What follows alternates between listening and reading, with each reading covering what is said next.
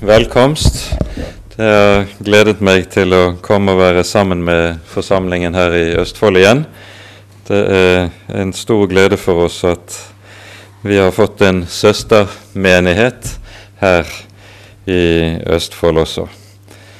Så har eh, dere bedt om at vi skal ta for oss dette temaet som har med de siste ting og de siste tider og eh, vi skal prøve så langt vi kan å dykke inn i noen av de hovedsaker som eh, vi da kommer i berøring med.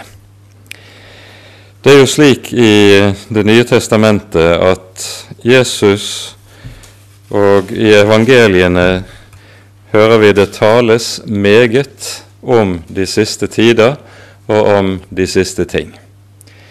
I Matteusevangeliet har vi disse to kapitlene 24 og 25, der Jesus i der disse kapitlene i sin helhet dreier seg nettopp om disse ting.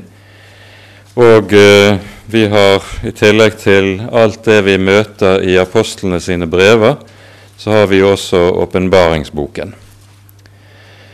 Og Det som er, må sies å være noe av en fellesnevner for det som eh, ligger der når Jesus taler om disse ting, er for det første dette ordet 'våk'. Når vi leser Matteus 24 og 25 i sammenheng, så vil vi se at dette ordet 'våk' det dukker opp på ny og på ny. Og eh, Derfor er det, må vi også kunne si at det er noe av en hovedsak i Jesu undervisning om dette. I tillegg må vi også si, tror jeg, at når vi leser Johannes' åpenbaring, så finner vi et annet hensyn som er, eller en annen hovedsak som er like så viktig, og det er at åpenbaringsboken i svært mange henseende må sies å være et, et martyrskrift, i det det ses frem imot det historiens avslutning, som kommer til å bli en meget svær, en meget tung tid for den kristne menighet, en forfølgelsestid. Og Derfor er åpenbaringsboken skrevet ganske særlig også som et trøsteskrift for menighetene. Og Med det så understreker vi en annen sak som er ganske så viktig. Man kan av og til, når man uh, taler om det, det, som har med de siste ting å gjøre, få, få fornemmelsen at mennesker uh, Dette er noe som pirrer menneskenes nysgjerrighet på en særlig måte. Og dette er usunt når så skjer. For når Jesus har undervist om disse ting, så er det jo slett ikke for å tilfredsstille vår nysgjerrighet når det gjelder fremtiden og historiens avslutning.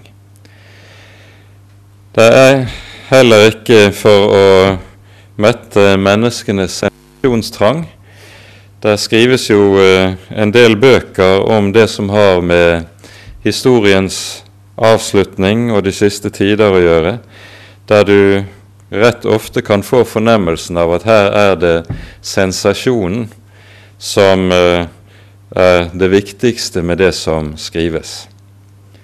Leser vi i Det nye testamentet, så er dette noe som er helt utenfor synsfeltet. Det er en annen hovedsak altså som ligger Jesus på hjertet, og det er disse to saker som vi har nevnt innledningsvis. Våk, og så er det trøsten. For Jesus har altså sagt oss det før det skjer. Og Da har vi et viktig bibelvers i Johannesevangeliets 14. kapittel, han sier der i noe annen sammenheng, men jeg tror det er full dekning for å anvende dette også om det som har med de siste ting i Bibelen å gjøre. Han sier 'Jeg har sagt dere det før det skjer', for at dere skal tro når det skjer. Det står i vers 29 i Johannes 14. Det innebærer at det som Den hellige skrift har å si om historiens avslutning, det er skrevet på en slik måte at vi ikke kan lage et kart over fremtiden. Så vi liksom kan si så skal slik og slik og slik skje, og så kjenner vi veien videre i detalj. I stedet er det laget på en slik måte at vi på forhånd ikke kan avlese hva som skal komme til å skje, men når det skjer, når det går i oppfyllelse, da skal vi kunne kjenne det igjen. Jeg har sagt dere det før det skjer, for at dere skal tro når det skjer.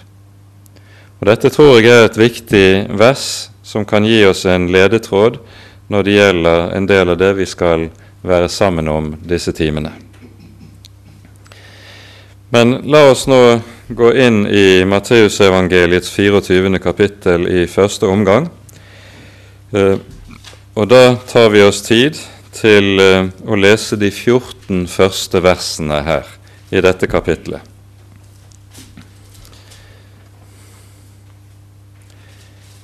Jesus forlot tempelet og gikk ut.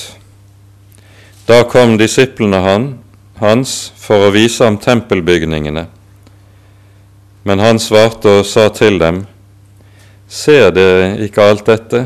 Sannelig sier jeg dere, her skal ikke bli stein tilbake på stein, som ikke skal brytes ned. Da han satt på Oljeberget og disiplene var alene med ham, kom de til ham og spurte, Si oss, når skal dette skje? Og hva skal være tegnet på ditt komme og på denne tidsalders ende? Jesus svarte og sa til dem, Se til at ingen fører dere vil, for mange skal komme i mitt navn og si, Jeg er Messias, og de skal føre mange vil og dere skal høre om kriger og rykte om krig. Se til at dere ikke lar dere skremme, for alt dette må komme, men enda er ikke enden kommet. For folk skal reise seg mot folk, og rike mot rike, og det skal bli hunger og jordskjelv både her og der. Men alt dette er begynnelsen på fødselsveiene. Da skal de overgi dere til trengsel og slå dere i hjel, og dere skal hates av alle folkeslag for mitt navns skyld. Mange skal da falle fra, og de skal angi hverandre og hate hverandre. Og mange falske profeter skal stå frem, og de skal forføre mange. Og fordi lovløsheten tar overhånd, skal kjærligheten bli kald hos de fleste. Men den som holder ut til enden, han skal bli frelst. Og dette evangelium om riket skal bli forkynt over hele jorden til et vitnesbyrd for alle folkeslag, og så skal enden komme. Vi stanser der foreløpig selv om Jesus fortsetter å tale om eh, dette som eh, er vårt tema videre. Men disse versene kan være gode å ha som eh, i minne til innledning. Foranledningen til det som Jesus her taler, er altså at Jesus, mens han har forlatt tempelet for siste gang. Og eh, med det som vi hører i slutten av kapittel 23, har sagt Se, dette deres hus skal legges øde. Og da tenker han nettopp på tempelet. Så går han sammen med disiplene ut av byen. De krysser Kedrandalen og går opp på Oljeberget For vi vet hvorledes Jesus den siste uken i, i, før sin lidelse så bodde han i Betania, som jo lå var en liten landsby på østsiden av Oljeberget ned mot, på veien ned mot Dødehavet. Og Det var en par kilometers gange fra Jerusalem og så over Oljeberget til Betania. Så har de altså gått over Kedrondalen og sitter oppe på Oljeberget og ser over mot Jerusalem. Og eh, disiplene undrer seg over Jesu ord. De ser Herodes tempel, som var en, et fantastisk byggverk. I, eh, Herodes har jo drevet med et renoveringsarbeid og utbyggings- og ombyggingsarbeid av tempelet, som har gjort det til kanskje den mest praktfulle bygningen i, som var i antikken i denne perioden. Og så sier Jesus sten skal ikke levnes på sten. Og 40 år etterpå går dette bokstavelig i oppfyllelse når romerne erobrer Jerusalem og stikker tempelet i brann. Og Det er jo for så vidt et interessant, uh, en interessant detalj i dette at tempelet som er bygget, er jo reist med den såkalte det, det er Jerusalemsteinen, som er en egen sort kalkstein som uh, den bygges i. Og Denne kalksteinen som kan hogges ut i hele området her i Judea, den er litt porøs og inneholder litt vann. Slik at når det, den blir varmet opp og det blir tilstrekkelig varmt, så begynner jo vannet å fordampe, og så sier det poff, og så blir steinen til bare pulver. Og slik er det det går med tempelet. Det blir ingenting tilbake av bygningen når den først er satt i brann. Men tempelets ødeleggelse blir da altså foranledningen til at Jesus underviser om det som ligger foran. Og Da taler Jesus, slik som vi har hørt om det i disse 14 første versene i dette kapitlet, om det vi kan kalle for de mer allmenne eller de generelle tegn på sitt komme. Og Jesus kaller dette for veier. Og det er ikke tilstrekkelig at han, det er ikke tilfeldig unnskyld, at han bruker uttrykket veier eller fødselsveier for å beskrive dette. I eh, kapittel 19 hører vi at Jesus i det 28. verset, når han taler om historiens slutt, så kaller han dette for gjenfødelsen. Det kommer en dag når det kommer en ny himmel og en ny jord. Hele skaperverket skal gjenfødes. Men forut for denne fødsel så går det som ved enhver fødsel det kommer veer. Og med veer er det jo slik at ettersom fødselen nærmer seg, så blir veene kraftigere og kraftigere, og de opptrer med kortere og kortere mellomrom. Og Det er nettopp dette som kjennetegner disse siste eh, og generelle tegn som Jesus omtaler i denne sammenheng. Det har vært krig oppover gjennom hele historien. Sånn har det alltid vært. Det har vært hungersnød og jordskjelv hele veien oppover gjennom historien. Det hører med til det som alltid har vært. Men når Jesus kaller det veer, så sier han dermed med dette når enden nærmer seg, så vil dette oppstå, stå, eller opptre med større og større hyppighet og større og større kraft og voldsomhet. Og så vil det innvarsle avslutningen. Tegnene er av ulik art.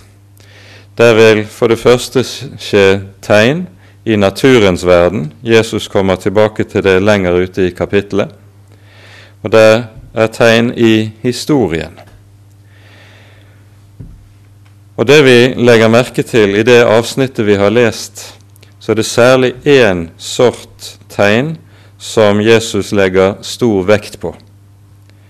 For når Jesus skal svare på disiplenes spørsmål, så innleder han med ordene 'Se til at ikke noen fører dere vill'. For mange skal komme i mitt navn og si 'Jeg er Messias'. Og Går vi litt lenger ned, så kommer vi til vers 10 og 11. Mange skal da falle fra. De skal angi hverandre og hate hverandre, og mange falske profeter skal stå frem, og de skal forføre mange. Og så hopper vi enda litt lenger ned i det samme kapittelet, til vers 23 og 24, så kommer Jesus tilbake til den samme sak. Om noen da sier til dere, se her er Messias, eller der, så tro det ikke. For falske Messiaser og falske profeter skal stå frem og gjøre store tegn og under for å føre også de utvalgte vill, om så var mulig. Vi skal komme mer tilbake til dette i den neste timen. Men vi legger altså merke til at når Jesus taler om å våke, så tales det i, ganske særlig i denne sammenheng om å være våken i forhold til forførelser som skal komme blant menneskene. Der skal komme vranglærere, falske profeter, og vi hører de skal føre mange vill. De skal ikke føre få vill. Ja, i vers 12 står det sågar kjærligheten skal bli kald hos de fleste. Altså ikke bare hos noen, hos et lite mindretall, men han sier hos de fleste. Med dette er det Jesus peker frem imot det som Paulus er inne på i 2. Tessalonika-brev, i det andre kapittel, der han taler om det som kalles for det store frafallet. Det skal vi altså komme tilbake til i neste time. Men i denne sammenheng skal vi kanskje minne om Paulus ord i eh, apostlenes gjerninger i det tyvende kapittelet. Her møter vi eh, Paulus' avskjedstale til de eldste i Efesus. Og han gjør både status opp over sitt eget virke iblant dem i den tiden han var i Efesos, han var jo hele to år i byen og virket der. Og så kommer han med avsluttende formaninger og advarsler til disse eldste. Og Jeg tror vi leser fra vers 28 til og med 31. Så gi da akt på dere selv og på hele den jord som Den hellige ånd har satt dere som tilsynsmenn for, for at dere skulle vokte Guds menighet, som han vant seg med sitt eget blod. Jeg vet at etter min bortgang skal det komme glupende ulver inn blant dere som ikke skåner jorden. Ja, blant dere selv skal det fremstå menn som fører falsk tale for å lokke disiplene etter seg. Våk derfor. Våk derfor, og husk at jeg i tre år, natt og dag, ikke holdt opp med å formane hver eneste en med tårer. Både Jesus og Herrens apostel taler altså om en forførelse som kommer til å komme.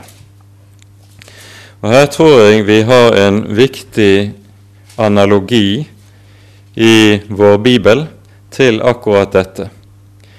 Hvis vi nemlig går til Det gamle testamentet og ser på profeten Jeremias tid og periode, så var det jo slik at Jeremia var den siste profeten forut for Jerusalems ødeleggelse i år 587 før Kristus, da babylonerne inntok byen og førte folket i fangenskap i Babylon. Jeremia var den eneste Herrens profet, mens samtidig med ham så opptrådte det svermer med falske profeter i folket. Og disse falske profetene spilte altså den rolle at de med sin forkynnelse hindret folkets omvendelse.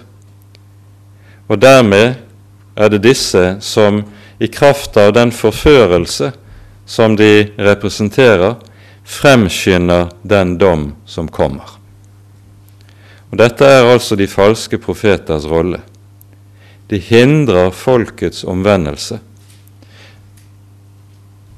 Jeremia bruker et særegent uttrykk om dette. I eh, det 23. kapittelet i Jeremia-boken hører vi et langt avsnitt om de falske profeter, og han sier om dem at de falske profeter styrker de ondes hender så ingen av dem vender om fra sin gjerning. Altså, de, de falske profeter gjør menneskene frimodige i, der de lever i sitt syndeliv, der de lever på sine egne veier. Og så får de høre det at det er ingen fare. Gud er med dere, og Gud er god. Og så kommer etter hvert dommen veltende i form av babylonerne. Det er ikke tilfeldig at Jesus taler nettopp om de falske profeter som et hovedtrekk og hovedkjennetegn ved det som kommer frem mot historiens avslutning. Og når så skjer, da må en med nødvendighet også dommen komme til å gjøre seg gjeldende. Og her møter vi en grunnlov som er lagt inn i skaperverket like fra fallets dag av. Når Adam og Eva har falt i synd, så hører vi at Herren kommer med domsordene over Adam og sier følgende.: Fordi du gjorde dette, skal jorden være forbannet for din skyld. Og Fra den tid av har det som vi kan kalle for forbannelsens krefter, gjort seg gjeldende i menneskehetens verden. Og det på en slik måte at det er et samsvar mellom synden og forbannelsens kraft. Der synden vokser i kraft, der vil også forbannelseskreftene komme til å vokse i voldsomhet. Og Dette som vi her kaller for forbannelsens krefter, de er beskrevet ganske detaljert i vår bibel. Og Da må vi gjøre et hopp til åpenbaringsbokens sjette kapittel.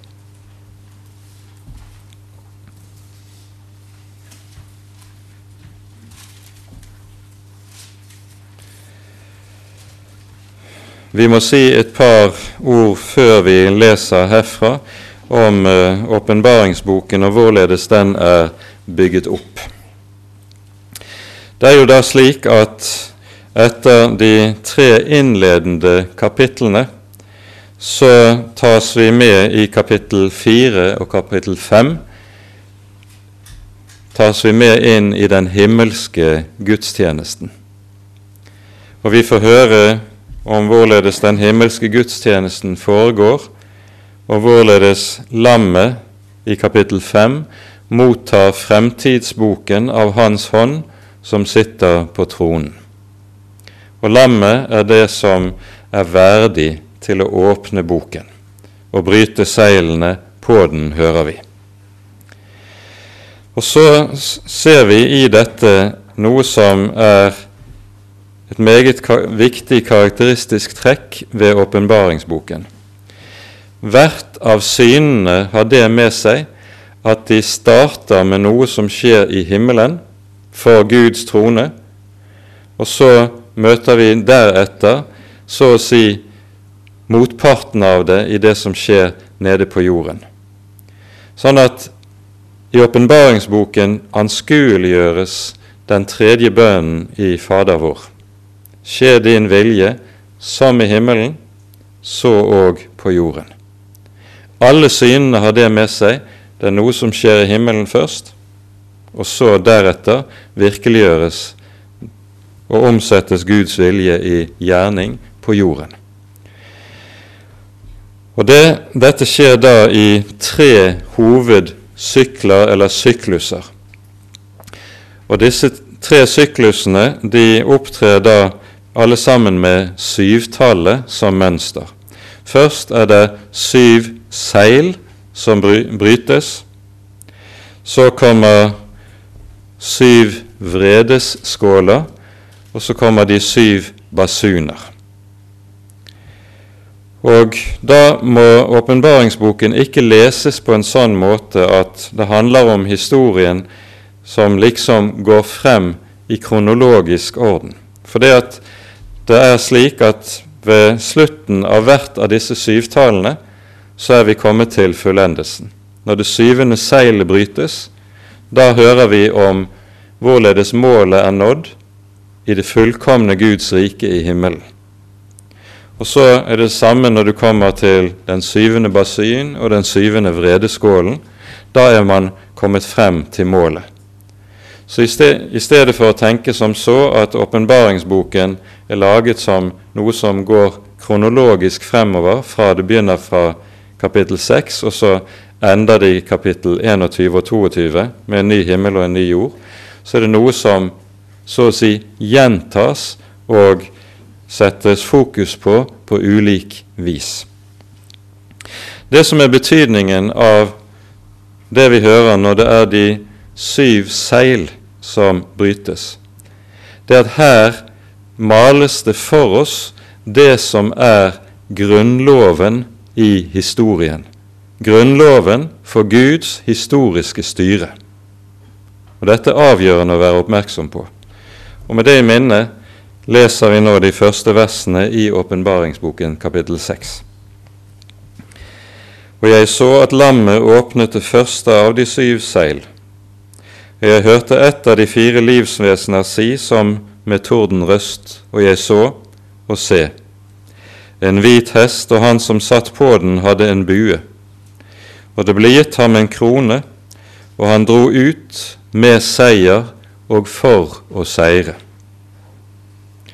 Da lammet åpnet det annet seil, hørte jeg det andre livsvesen si, Kom. Og en annen hest dro ut, som var rød. Han som satt på den, ble gitt å ta freden bort fra jorden, så de skulle slakte hverandre, og det ble gitt ham et stort sverd. Da lammet åpnet det tredje seil, hørte jeg det tredje livsvesen si, Kom og jeg så og se en svart hest, og han som satt på den, hadde en vekt i hånden. Og jeg hørte like som en røst midt iblant de fire livsvesener, og den sa:" Ett mål hvete for en denar og tre mål bygg for en denar. Men oljen og vinen skal du ikke skade. Da lammet åpnet det fjerde seilet, hørte jeg røsten av det fjerde livsvesen som sa:" Kom. Da så jeg å se en gul, blek hest. Han som satt på den, hans navn var Døden, og dødsriket fulgte med ham. Og det ble gitt dem makt over fjerdedelen av jorden til å drepe med sverd og med hungersnød og med pest og med villdyrene på jorden. Her hører vi om de fire rytterne. Og hva er det disse symboliserer? Bildet med rytterne er hentet fra profeten Sakarias bok. Vi skal ikke gå nærmere inn på det.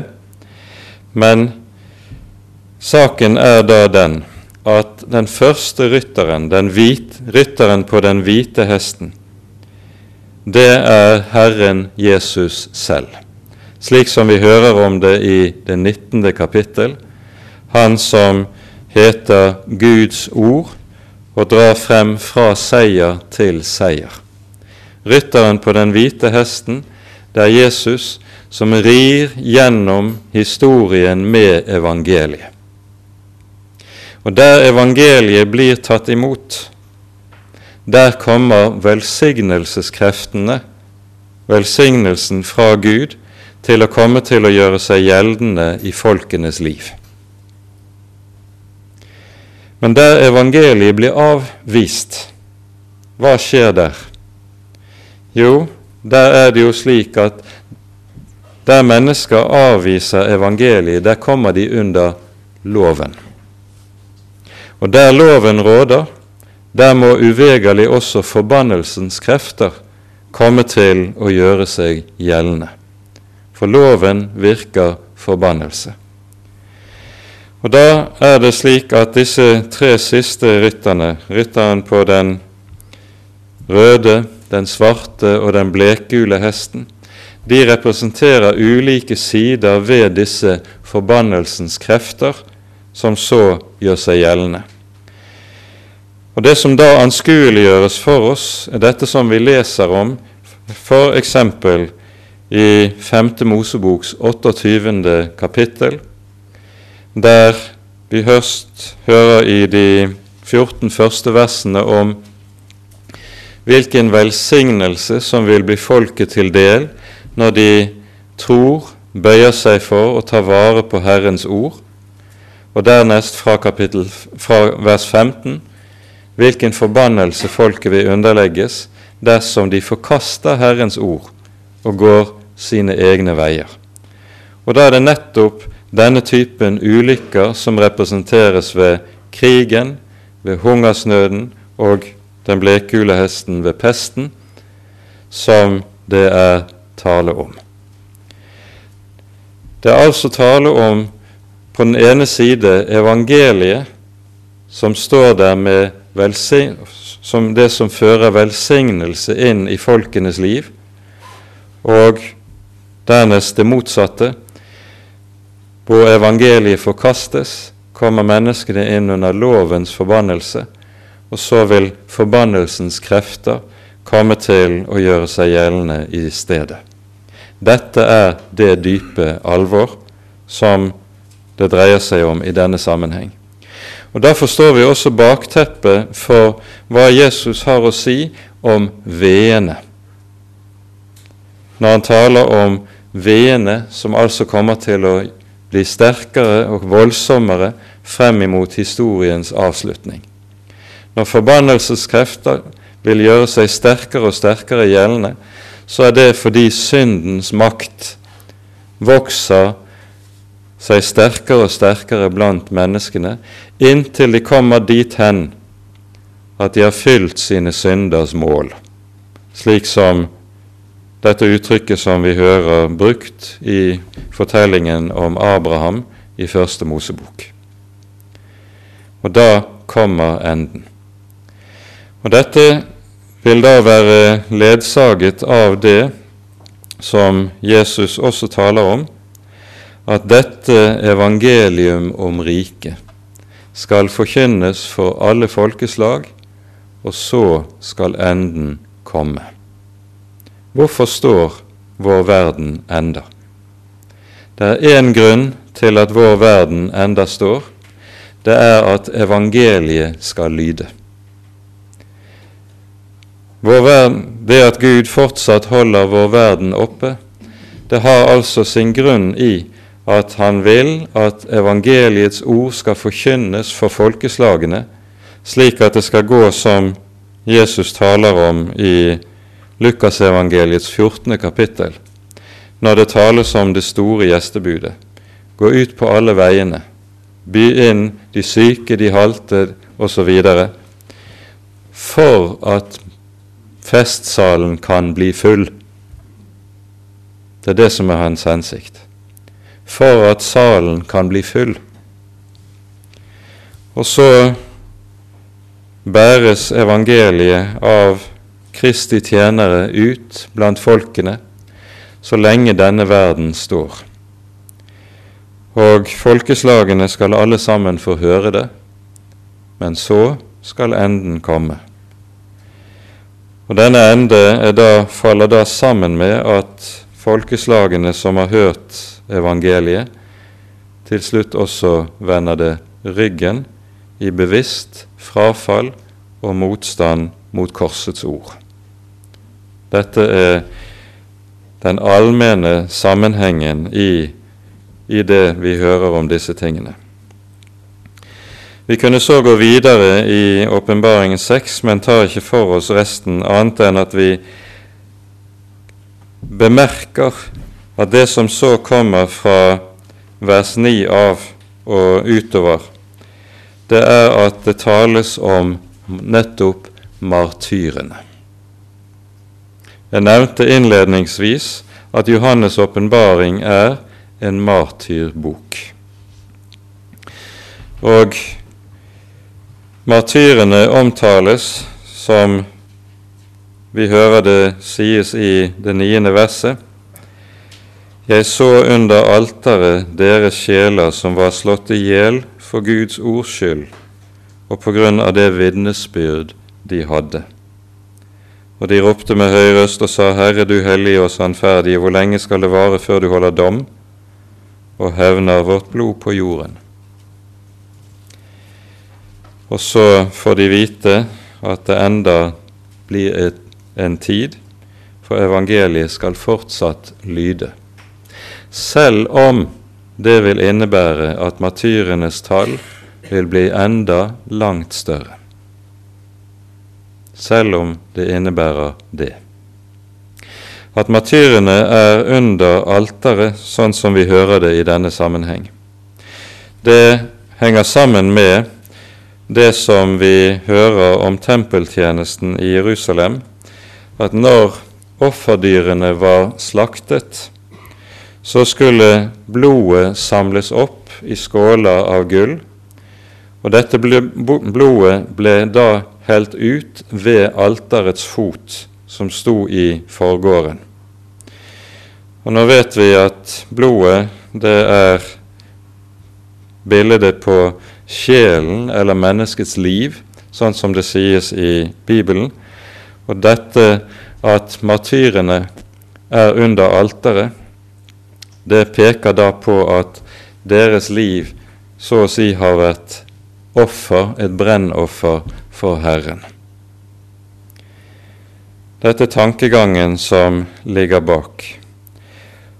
Og så holder Herren verden oppe. Han holder den oppe, lar sin sol skinne over onde og gode. Han lar det regne over rettferdige og urettferdige, med tanke på dette ene. Evangeliet skal lyde, og så mange som kan la seg frelse, skal frelses. Det er den hvite rytteren som rir gjennom historien, som er hovedsaken. Åpenbaringsboken kalles vi av oss for Johannes' åpenbaring. Hvis du leser det første verset i denne boken i kapittel 1, så vil du se at boken egentlig her får et annet navn. Det står Jesu Kristi åpenbaring, som Gud ga ham. Jesu Kristi åpenbaring. Nå er det slik at en sånn genitivsforbindelse i bibelteksten den kan ha flere ulike betydninger. Den kan bety, sånn som vi ofte bruker genitivsformen, at vi sier det eh, en eiendomsform som forteller det er noe som er Jesu Kristi eiendom, som han har fått. Men det kan også være det som vi kaller for et objektsgenitiv. Altså når det står Jesu Kristi åpenbaring, så betyr det en åpenbaring av Jesus Kristus. Og det er nettopp det som er kanskje det mest sentrale med hele åpenbaringsboken. Åpenbaringsboken er ikke først og fremst en bok som skal åpenbare alle mulige begivenheter som ligger foran. Den taler om noen viktige hovedsaker som ligger foran. Ja, det gjør den. Men det som er selve hovedsaken, det er at åpenbaringsboken er en åpenbaring av Jesus Kristus, der han, en særlig side ved hvem han er, forkynnes for oss. Og hvilken side er det? Jo, det ser vi når vi ser hvilke navn Jesus Kristus kalles med i en rekke sammenhenger i boken. Han kalles for den første og den siste. Han kalles for begynnelsen og enden, alfa og omega. Jeg er den første og den siste og den levende.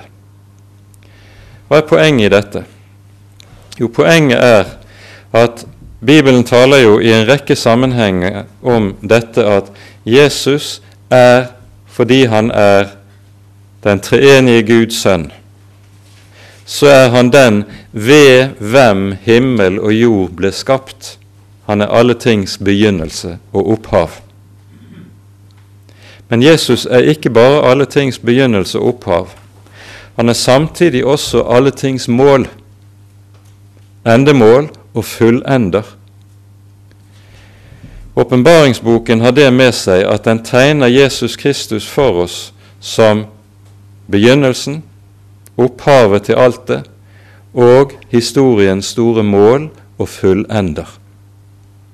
Han er den allmektige, som derfor for sitt navns skyld står inne for at historien skal ikke fortsette formålsløst i det uendelige. Det har vært sagt som en kommentar til en del av det vi leser i åpenbaringsboken, følgende Det er bedre med en forferdelse, ende med forferdelse enn en forferdelse uten ende. Og det er på mange måter ganske treffende med dette. Himmel og jord skal forgå, slik som også apostelen Peter taler om det. Jorden og elementene skal gå opp i flammer, men det skal skapes nye himler og en ny jord. Jesus er også omega, fullenderen, den siste. Når vi hører i det femte kapittelet i åpenbaringsboken at lammet går frem og tar fremtidsboken av Hans høyre hånd som sitter på tronen, så lyder spørsmålet Hvem kan åpne bokrullen og se i den? Og så sies det det ble, ble ikke funnet noen verken i himmelen eller på jorden eller under jorden, som var verdig til å åpne boken eller se i den. Og så gråter Johannes sårt. Hvorfor gråter Johannes? Jo, årsaken er hvis rullen ikke kan åpnes, så betyr det at da vil historien ikke nå sitt mål. Da vil det ikke bli noen ende på ondskapen. Da vil det ikke settes noe punktum for denne verdens elendighet. Da vil det hele bare fortsette i all evighet, og det onde vil utfolde seg uten at det settes stopp for det. Så gråter Johannes. Og så får han trøsten. Gråt ikke, Johannes. Se, løven av Juda stamme, Davids rotskudd og ett. Han er verdig til å åpne boken. Og så står det Da fikk jeg se et lam, står der, midt for tronen og mellom de eldste og livsvesenene, like som slaktet. Løven av Juda er samtidig lammet som ble slaktet. Og så får lammet åpne. Og med det så har Johannes fått trøsten. Det er håp for denne jord tross alt. selv om forbannelsen råder her i vår verden, så skal en dag verden bli det Gud hadde tenkt den skulle bli. Og så skal det fullbyrdes som vi leser på Bibelens første blad. Når Gud har skapt alle ting, så står det og Gud så på alt det han hadde gjort, og se, det var såre godt. Det kan ikke sies om vår verden i dag. Men når Han som er alfa og omega, kommer, når Han som er den første og den siste, kommer og har fullført verket, da skal den levende Gud på ny se på skaperverket og si Han skal se på alt det han har gjort, og si det er såre godt. Og da er det ikke lenger noen slange eller noen djevel som kan ødelegge det hele. For her er det vi også møter en av de viktigste sannheter i vår tro som skiller Bibelen fra det vi finner i svært mange av andre av de øvrige religioner. I svært mange av religionene i verden så er det slik at det onde er like evig som det gode. Det er to makter i tilværelsen, og disse er like mektige, de kjemper seg imellom, og derfor er vår verden sånn som det er. Men er djevelen like mektig som Gud, nærmest altså en motgud, da vil jo det onde aldri ta slutt. Men det Bibelen forkynner oss, det er at det onde er noe som hører til skapningen. Skapningen har gjort opprør mot sin Gud. Det, ikke, det onde er ikke fra begynnelsen.